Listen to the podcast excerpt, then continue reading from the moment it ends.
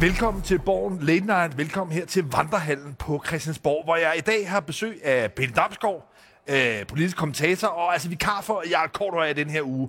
Og som vi skal vende tilbage til, også en mangeårig jagttager, og i virkeligheden også tidligere magtspiller i det konservative Folkeparti, med indsigt i partiet. Men det venter vi lidt med, fordi det, der er ugens helt store nummer, det er det her lønløft, som Nikolaj Vammen præsenterede lidt flere detaljer i forhold til i går, sammen med Sofie Løde og endnu en gang lidt overraskende kulturminister øh, Jakob Engel Schmidt. Men i morgen, der begynder trepartsforhandlingerne.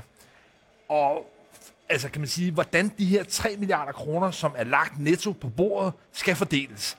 Og Ben Damsgaard, er det her nu forløsning? Efter en regering, en midterregering, som har været klemt, meningsmålingerne er presset, er det nu endelig den sådan forløsende vindersag, regeringen har her? Ah, det tror jeg vil være at, øh, at overvurdere effekten af, af lønløftet. Altså, det vil, det vil have en positiv effekt, fordi regeringen eller Socialdemokratiet kommer til at, øh, og, øh, efterleve et, et valgløfte, og, og det er jo i sig selv altid godt, og det er noget, man går meget op i fra Socialdemokratiets side. Men det er ikke den her silver bullet, sølvkuglen, som får alle problemerne til at forsvinde. Der er alt for meget bagage, der følger med. Men hvis vi nu lige vil prøve at fokusere, kan man sige, på nogle af fordelene. For nogle gange kan man godt opgøre det sådan lidt pro og kontra. Lad os lige prøve at se, hvad det er for nogle altså, øh, elementer, der giver opdrift. Og du er selv inde på det her med, at Socialdemokratiet har jo kæmpet med et spøgelse i forhold til en slidt troværdighed. Det begyndte vel retfærdigvis helt tilbage under Poul Nyrup Rasmussen med det her brudte efterlønsbevis, han havde givet. Efterfølgende Helle Thorning, som også måtte øh, skrotte mange af sine mærkesager.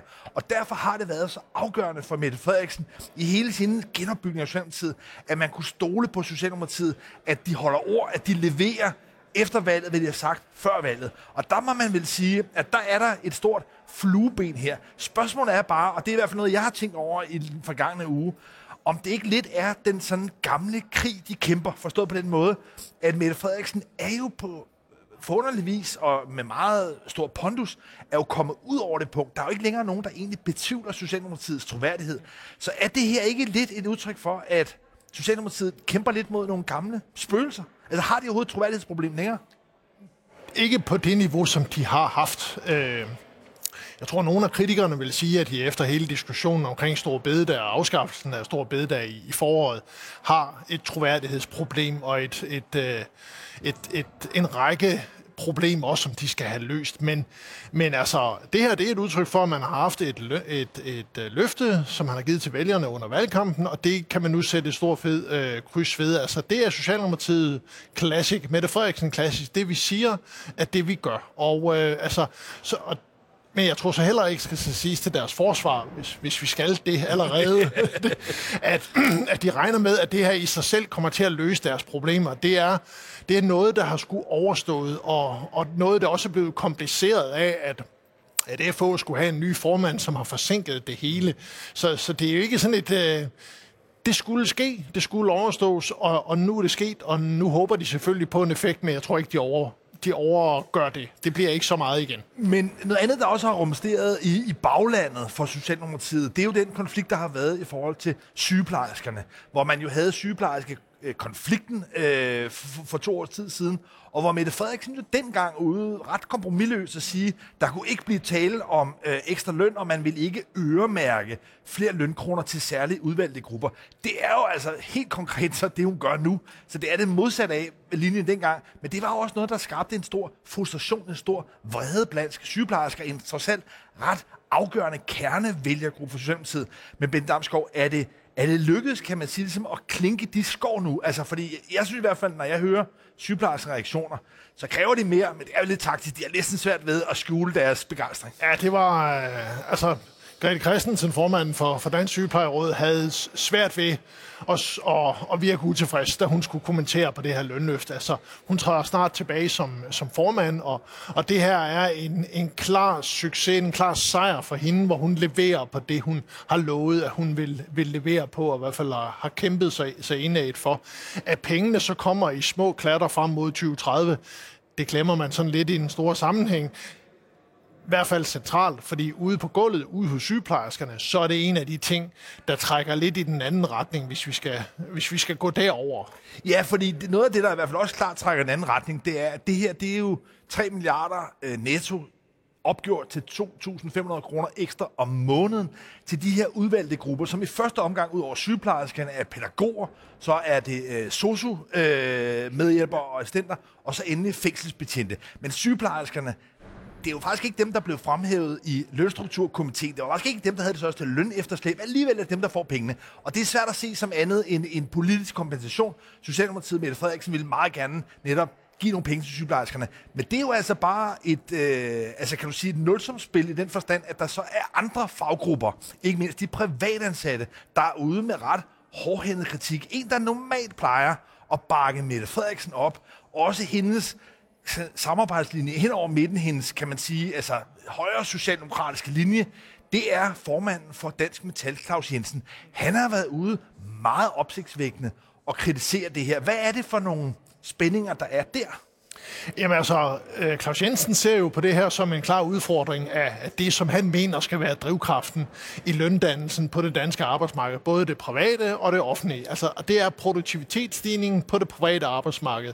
Virksomhedernes evne til at tjene penge, så der kan være noget til deres medarbejdere, som så senere flyder over i den offentlige sammenhæng, hvor, løn, hvor der er de her lønreguleringsmekanismer. Det er den der gode gamle, gammeldags, kan man sige, eller i hvert fald den, den model, man har kørt med indtil videre, som Dansk Metal om nogen har stået vagt omkring. Og, og, øh, og, og det er Claus Jensen jo, altså når, når der bliver stillet spørgsmålstegn ved det, når det, det ser ud som om, at det kan betale sig at, øh, at gå til Christiansborg og brokke sig politisk, så begynder Claus Jensen at, at blive, øh, blive stram i betrækket, fordi det, er ikke, det kan han ikke lide. Men, men Damsgaard, har Claus Jensen, formand for Dansk Metal, ikke en dobbeltpointe? Altså både i forhold til, at man bryder her med det grundlæggende princip i den danske model, men også i anden omgang, at det ligesom på længere sigt kan få nogle konsekvenser i forhold til, hvordan man forhandler, hvordan man agerer. Hvis vi tager først den danske model, så er det, som du skriver, at det har ligesom været produktivitetsstigninger på det private arbejdsmarked, der så har sat et lønniveau, og så er det offentlige så fuld efter. Det, der sker nu, det er sådan set, at man gør det omvendt. At man starter med at sige, at man giver de offentlige ansatte helt afkoblet produktivitetsstigninger, helt afkoblet realøkonomien, så giver man nogle ekstra penge, som ligesom kommer udenfor. Det er jo et brud med den måde. Altså, det har Claus Jensen vel pointe i. Ja, Jamen, det er der ikke rigtig så mange, altså, det er der ikke nogen diskussion af. Det, det er et, et brud med den normale måde at gøre tingene på, og det er også en, en beslutning, som, som giver incitament til at brokke sig. Fordi at, øh, det, altså, det er jo tydeligt, at sygeplejerskerne, som er kommet godt ud af det her, de har brokket sig, eller i hvert fald, i hvert fald været utilfredse rigtig lang tid, gået til det politiske miljø, krævet politisk handling. Det har de nu fået. Altså, selvom man fra regeringens side i går for, for finansministeren var meget tydelig med at sige, at det her er en engangsforetagelse, det kommer ikke til at ske igen, så kommer det nok til at ske igen.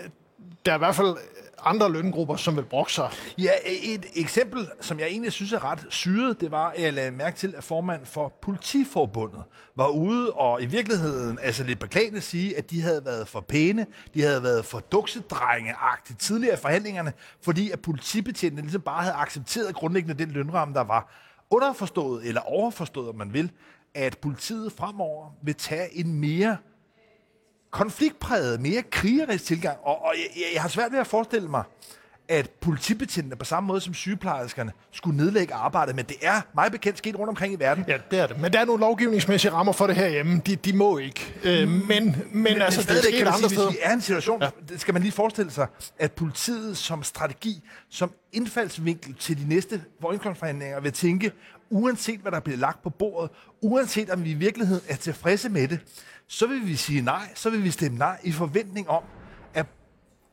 partierne, at politikerne herinde på Christiansborg efterfølgende vil komme med nogle flere penge. Og den logik, altså det har politiformanden vel en pointe i også her? Ja, det har han, og, øh, og det vil ikke være kun politimændene, øh, som vil tænke på den måde. En række andre offentlige faggrupper vil tænke fuldstændig på, på samme måde. Så derfor, en af ulemperne ved den beslutning og det udspil, man kom med i går, det er jo, at de offentlige overenskomstforhandlinger, som kommer i løbet af et, ja, et års tid eller deromkring, de bliver ikke nemmere, eller de er ikke blevet nemmere, snart tværtimod af det her. De er blevet langt vanskeligere. Så på den måde er det jo i virkeligheden en ret kortsigtet løsning, man er øh, kommet her til, øh, eller lagt frem fra, fra regeringens side. For det kan godt være, at man, man, man lige nu og her, kan man sige, for neutraliseret en kritik for sygeplejersker, at man på den måde også får skabt en lille afmålt begejstring blandt pædagoger og blandt øh, fængselsbetjente. men problemerne hober sig altså op og risikerer at blive forstærket videre frem. Så det forløb, vi har set med sygeplejerskerne, strække, konflikt, efterfølgende kompensation, det er måske et mønster, man kan komme til at se igen. Og så er det vel ikke særlig sandsynligt, når Nikolaj Vammen igen og igen siger, jamen det her det er en indgangsfortelse, det er kun noget, der sker en gang. Ja, det kan godt være, at det kun sker én gang i den her valgperiode, men, men er det her et digebrud? Altså, der er nogen, der taler om, kan man sige, at videre frem vil det være umuligt at trække det her tilbage. Er det, ser du også det her som et digebrud for den danske model? Jeg vil måske gå så langt som at kalde det et potentielt digebrud, fordi vi, vi, øh, vi ved jo ikke, om, om, om det kommer til at ske igen, men, men altså alt, kortene er, er lagt på sådan en måde, at, det, at sandsynligheden for, at det sker igen, er steget betragteligt. Øh, og, øh, og, altså, og på den måde er det også meget klassisk for den her regering, eller rettere sagt, det er meget klassisk for, for i hvert fald for den måde, Lars Løkke Rasmussen har lavet politik i den her regering tidligere. Så man kan næsten sige, at regeringen har taget Lars Løkke Rasmussen en af hans normale virkemidler. Det der er et lille plaster på et åbent sår for, for at få problemet til at, at forsvinde. Og så håber at så håber, det ikke kommer råd. Kommer til at komme råd, og det ikke sker igen. Så det er sådan en lidt en Lars Løkke-løsning, selvom den er opfundet af Socialdemokratiet oprindeligt.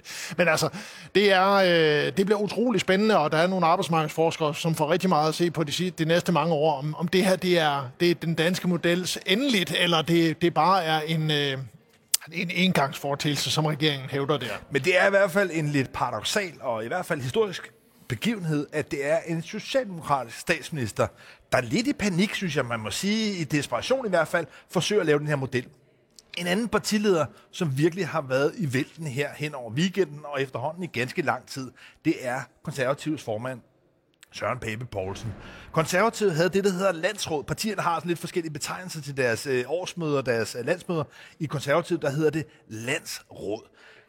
Ben Damsgaard, du har brugt mange år af dit liv på at være en del af kampene i, i Konservative ja. Folkeparti. Jeg hvad, jeg var uh, dulmet olie på vandet. Ja, det er nok nærmere det, ja. men, men, men, men, hvor står vi henne nu? Altså, Søren Pape har været under voldsom kritik, der har været uro.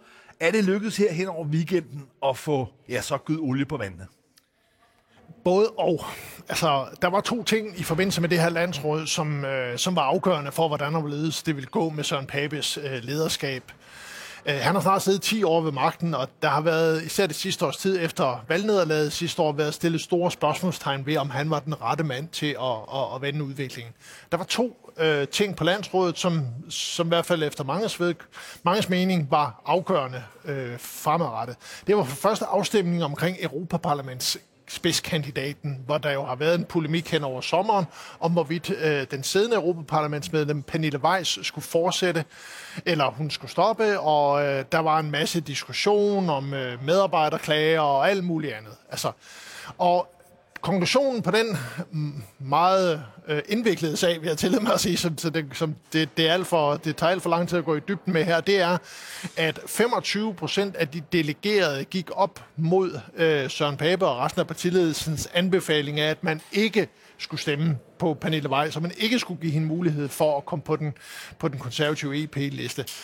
Og de 25 procent er mange øh, det er mange delegerede, der stiller spørgsmålstegn, fordi at man fra partiledelsens side havde man lagt afstemningen an til, at det skulle være sådan en ja-nej-diskussion, om man i det hele taget skulle have en afstemning. Og så har man sendt øh, næstformanden Michael Siler i byen, som værende ham, som skulle øh, sige til de delegerede, at de skulle lade være med at, øh, at stemme på Pernille Weiss. Og og altså, at man kommer tilbage med et resultat, hvor alligevel 25 procent af de delegerede går, gør op imod det, det er i hvert fald i en konservativ sammenhæng øh, unormalt mange. Og illustrerer, at der er en stor øh, opposition mod Pape og den måde, han har gjort tingene på. Men Bill du skal lige hjælpe mig med at forstå det partidemokrati, der er i det konservative folkeparti. Fordi jeg vil umiddelbart tænke, og det tror jeg også de fleste mennesker, der er involveret i Foreningen i Danmark, vil tænke, hvis man skal vælge for eksempel bestyrelsesmedlemmer, eller i det her tilfælde kandidater til Europaparlamentet, ja, så vil altså kandidaterne kunne stille frit op, og så vil det være den, der fik flest stemmer, der blev nummer et, den, der fik anden flest, være nummer to, og så fremdeles. Og så kan man sige, så vil der nok komme en fordeling, hvor alle fraktioner i partiet ligesom vil kunne se sig selv i nogle af kandidaterne. Og der er det klart, at der kunne man så promovere nogen og, og for, forsøge på en eller anden måde at tælle andre ned.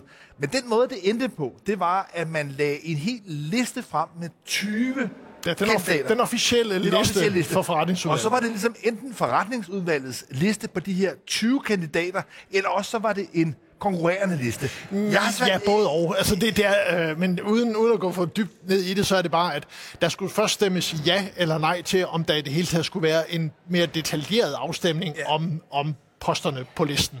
Og det der er jo sådan det, det, man, det man i ungdomspolitik vil kalde sådan lidt et politisk prokuratorknep, ikke? hvor man sådan lidt går ind og, og man jo er, er sådan er masserer vedtægterne for at gøre det til et, altså for at undgå, at der bliver stillet, forsøge at undgå i hvert fald, at der bliver stillet fundamentalt spørgsmålstegn eller fund, øh, ved, ved den måde, man, man vil gøre tingene på. Fordi så får man ikke engang en afstemning om, om kan man sige, så bliver det ikke Pernille Weiss mod øh, for eksempel Niels Flemming Hansen, som var øh, ledelsens kandidaten, Så er det, det er Pernille Weiss mod, mod partiets indstilling. Ikke? Så, og det gør det på ingen måde lettere for hende. Nej, for jeg har også svært ved at forstå egentlig, hvad fordelen er. Altså, man siger, ledelsen fik det, som de gerne ville have det. De fik valgt, øh, valgt øh, Niels Flemming Hansen som, som spidskandidat. De fik det som deres liste. Pernille Weiss kommer ikke til at stå. Det var, som de ønskede det. Jeg har bare svært ved at forstå, hvorfor det skulle være en fordel for det konservative folkeparti. Fordi hvis man havde forestillet sig, at man havde taget en lidt mere detaljeret afstemning, hvor der var kommet, altså kan man sige, kandidater herunder Pernille Weiss, som havde repræsenteret ikke som spidskandidat, men ned på listen, ja, så havde det vel skabt en større mindelighed. Altså nu har man jo på en eller anden måde fået styrket konfrontationen, eller hvad? Jo, det har man. Altså, hele den her sag har jo været håndteret øh, dårligt fra partiledelsens side fra starten. Den, den starter helt tilbage i, i pinsen, hvor der kommer en række klager fra tidligere medarbejdere hos Pernille Vej, som klager over, at, at over dårlige arbejdsmiljø. Det får så partiledelsen til at sige, at du kan ikke være vores spidskandidat. Og altså, det er jo ikke første gang, der er medarbejderudfordringer ved et folketingsmedlem eller et europaparlamentsmedlem. Det er der med jævne mellemrum, og det plejer man normalt at finde sådan lidt diskret og mindelig løsning på. Øh, for eksempel, at man siger, at du har gjort det godt, du skal ikke være spidskandidat længere, vi har fundet et nyt kort, vi skal i en ny retning, og så finder man en mindre løsning på det. Her valgte man så, i stedet for fra den konservative partiledelse, at gå meget mere hårdhændet til værks, hvor man simpelthen går ud offentligt og siger, Pernille Weiss er fjernet som spidskandidat, og vi vil ydermere, og det var endda med Søren Pape i spidsen, opfordrer hende til at trække sig fra sit mandat i Europaparlamentet. Og det er jo, kan man sige, så kan sagen stort set ikke blive sparket højere op i stratosfæren. Så er det, så er det en fuldtonet krise, og det er med Søren Pape i spidsen. Og, øh, og det er jo derfor, at øh, sagen endte med at blive en afstemning om, mere omkring Søren Papes lederskab og håndteringen af sagen, end om Pernille Weiss' øh, position på den konservative liste. Og det er det, der gør også, at 25 procent, der stemmer imod partiledelsens klare anbefaling, det er bare et problem og et udtryk for en betydelig opposition. Men man kan jo i hvert fald måske slå to streger under, at Søren Pape vandt slaget. Det slag, ja. Det slag vandt han. Men krigen, ja, den bulrer stadigvæk videre i, i kulissen. Ja. Og det er i hvert fald langt fra afklaret, at når vi kommer frem til næste folketingsvalg, at Søren Pape stadigvæk vil være den foretrukne formand for konservativ. Skal vi ikke godt øh, lukke den der? Lige måske en enkelt tilføjelse til, fordi der var to elementer på det konservative ja, ja, ja, landsråd. Nu er jeg jo konservativ ekspert, Ja, ja, ja. så derfor er jeg nødt til Ja, ja. lige at gå lidt mere i detaljerne. ja, ja. Der var hele spørgsmål omkring afstemningen om spidskandidat, men det andet var jo, at Søren Pape i hans tale skulle præsentere den nye konservative fortælling. Uha, ja, med ja, familieværdier. familieværdier Ja, ja, og... og øh, Hvordan gik det? Jamen, hvis du spørger baglandet, så vil de, være, så vil de sige, at det gik, det gik fint. Det var man i og for sig tilfreds med øh, for mange i det konservative bagland. Altså Søren Papes lederskab har jo indtil videre været relativt uideologisk. Han er en kommunalpolitik, har en kommunalpolitisk baggrund og er ikke en stor ideologiske tænker. Så der har været en efterspørgsel efter en eller anden fortælling om, hvor partiet skulle hen. Det, der dog nok manglede i talen, det var sådan en konkret politik om, hvad skal det, de her visioner og idéer så konkret udmyndte sig i. Og det vil man så, har man i hvert fald annonceret, præsentere over den kommende stykke tid. Men altså, øh, der har været en tilfredshed omkring det, ikke stor tilfredshed omkring Pernille Weiss afstemningen, tilfredshed omkring det andet. Men det, der bliver afgørende, det er, hvordan omledes kommer målingerne til at udvikle sig over de næste måneder. Er der opadgående pil eller nedadgående pil? Hvis, det, hvis pilen er nedadgående, så er nedtællingen for Søren Papes formandskab gået i gang. Længere nordpå, det konservative landsråd var i Herning. Længere nordpå her i weekenden var der socialdemokratisk årsmøde. De har også skift, overkøbet skiftende, nogle gange i kongres. I år, der var det et årsmøde. Og der må man, synes jeg, stilfærdigt konstatere, at Mette Frederiksen valgte en anden og noget mere offensiv og måske også mere selvtillidsfuld tilgang til den kritik, der har været i baglandet. Der er rigtig mange socialdemokrater, ikke mindst i det kommunale bagland, borgmestre ikke mindst, som har været ude meget, meget højlydt og kritisere, at man i en situation, hvor man sidder med budgetforhandlinger i kommunerne, med nedskæringer, både over for børn og ældre og hele pakken rundt, at der har man samtidig annonceret skattelettelser herinde på Christiansborg fra regeringens side. Den kritik, ja, den konfronterede hun og mindede sine øh, partifælder om, at Socialdemokratiet og hun faktisk gik til valg på at ville give skattelettelser. Det er så blevet til flere skattelettelser, men hun valgte jo en meget altså direkte. Øh, hvordan virkede det? Jamen, det er jo den måde, hun altid gør det på. Øh, direkte på problemet, forklare tingene øh, på en måde, så alle, føl, alle kan følge med. Og øh, hvis man ser på reaktionen i, øh, i salen, og så var der i hvert fald tilfredshed. Ikke fordi man var enige, men, men der var tilfredshed, og hun kom mere styrket ud af, den, øh, af det årsmøde, end hun gik ind i det, uden at dog der på nogen måde var sat et spørgsmålstegn ved hendes lederskab. Men hun fik formået at forklare, hvorfor man har gjort det her, og øh, at det var et løfte, og ikke mindst også, at det var en, øh, altså at Socialdemokratiet er jo et magtparti, hvor man er nødt til at lave kompromiser for at få tingene til at hænge sammen. Og på den måde var det jo en meget klar kontrast til det konservative, altså hvor du har en Søren Pape, som ikke har særlig meget personlig pondus tilbage, og derfor netop skal opfinde et nyt politisk projekt. Der har du den modsatte situation i Socialdemokratiet, at Mette Frederiksen har i den grad en personlig gennemtagskraft, ned gennem rækkerne, der gør, at der er en, om ikke andet, så klapper folk hælene sammen og anerkender, at hun både under corona, men også nu i midterregeringen, er hende, der sidder øh, og, og, og styrer det hele som, som statsminister. Men udfordringen her er jo altså bare, at den kurs, hun har slået ind på, er en anden. Ligesom med lønløftet til sygeplejerskerne, så er Mette Frederiksen altså efterhånden regerende Danmarksmester i kovendinger, i nye politiske koldbøtter og skifter, altså zigzagger meget i sine politiske meldinger, men sjovt nok hver gang med en stor gennemsnitskraft, en stor øh, altså, øh, selvtillid. Men det, hun siger nu i forhold til, til skattelettelser, det er jo noget, der, synes jeg, med rette skuer ørerne på mange socialdemokrater. Fordi hvis der er noget, Mette Frederiksen har ført valgkampagne efter valgkampagne på, så var det, at dansk politik handlede om et valg mellem velfærd eller skattelettelser. Så hvad, hvad er, altså når hun nu formår at få socialdemokrater til at sidde og klappe af en politik, som de faktisk både er uenige i, og som de gerne vil have ændret, men alligevel klapper. Hvad, hvordan skal man tolke det? Jamen, det er en kombination af, at de for det første jo bakker op, helhjertet op bag Mette Frederiksen som partileder. Der er ikke noget som helst spørgsmålstegn ved, øh, ved deres loyalitet over for hende, og det er gang i. Øh, og så er det også det, at Socialdemokratiet er og bliver et magtparti, hvor man er, hvor man er vant til, i hvert fald øh, de centrale kræfter, vant til, at du er nødt til at indgå kompromiser for at få tingene til at hænge sammen. Og så skal man også huske på, at alternativet til det her, det kan godt være, at man ikke elsker øh, SVM-regeringssamarbejder. Det tror jeg i bund og grund ikke særlig mange i det, konserv- eller i det undskyld, socialdemokratiske bagland, heller ikke i det konservative bagland, men i det socialdemokratiske bagland, der gør. Men alternativet, som jo var en venstrefløjsregering, altså en socialdemokratisk, måske en SSF-regering, baseret på Therese Scavenius og alternative stemmer, det er langt mere skrækindjagende end Lars Lykke og Jacob Ellemann. Så derfor er det sådan set lykkedes her i weekenden i Aalborg for Mette Frederiksen at få folk ind på geledet, få folk til at acceptere, at det er det mulige kunst, og at prisen for, at Mette Frederiksen kunne fortsætte som statsminister, i høj grad har været, det begynder man i stigende grad, synes jeg, at være ærlig omkring. Det har været, at man langt hen ad vejen skulle føre en politik, som Venstre og ikke mindst Lars Lykke ligesom har været pindefører på. Jeg synes, vi skal slutte af på et andet uafsluttet drama.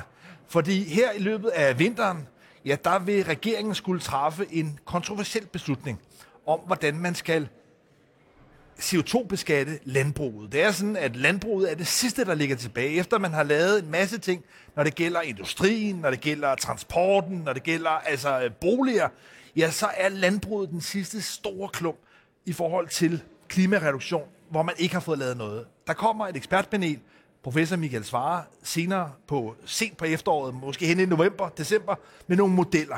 Men vi begynder nu at se nogle alvorlige sprækker i Venstre. Ben Damsgaard, hvad er det for nogle positioner, der er i spil her i Venstre? Meget åbent og højlydt. Jamen, situationen i Venstre er jo, at landbrugsvenstre, altså den klassiske del af Venstre, øh, er jo øh, markant modstandere af de tanker, som i hvert fald mange eksperter har været fremme med indtil videre, om at du skal CO2-beskatte ude i selve industrien. Altså at det er ude på selve landbrugsbedrifterne, at, at, der skal, øh, at, at omkostningerne for udledning af CO2 skal lægges. Derimod kan man sige, har du en, en anden retning, som jo mange i landbruget taler for, det er, at prisen skal over, i, over på forbrugerne, altså over i køledisken. Og der har der jo for det første været lidt uklare meldinger fra Jacob Ellemann, der har været ude og omfavne hele ideen omkring, øh, hele ideen omkring, at regningen skulle lægges i køledisken, altså, det var forbrugerne, der skulle betale. Hvorimod du har haft rigtig mange landbrugsstemmer, et Europaparlamentsmedlem, tidligere formand for Landbrug og Fødevare, Gemmelke, som har sagt, at det skal, det skal ligge øh, i, altså at det ikke skal ligge ude ja. hos, hos landmændene. Så det er en virkelig, det er en yderst vanskelig øh, diskussion, de kommer ind i. Og jeg må bare tilføje, ja. stakkels, stakkels Jakob ja, Ellemann Jensen. For den position, han sidder i, den bliver altså meget, meget, meget, meget svær at balancere mellem de her ja. positioner, hvor der faktisk ikke er noget kompromis. Altså man skal huske, at landbrugspolitik er noget, Venstrefolkene er meget godt inde i. Det må man sige. Og de ved godt på forhånd, at det bliver et valg. Altså, ja. øh, og der er, der er ikke noget kompromis Nej. her. Jakob Ellemann sidder midt i det hele. Han risikerer, at en stor gruppe af de sidste vælgere glider over til Danmarksdemokraterne, eller måske til Moderaterne. Ja, de, ja. Så hele balladen i Venstre ser altså ud til at kunne bluse op nu ovenikøbet på deres eget øh, hjemmefelt, i deres øh, egen zone og landbrugspolitikken. Men det må vi øh, følge op på senere, ikke mindst her i løbet af efteråret. Her i første omgang vil jeg sige tusind tak til dig, Benny Damsgaard, og tak fordi I så med.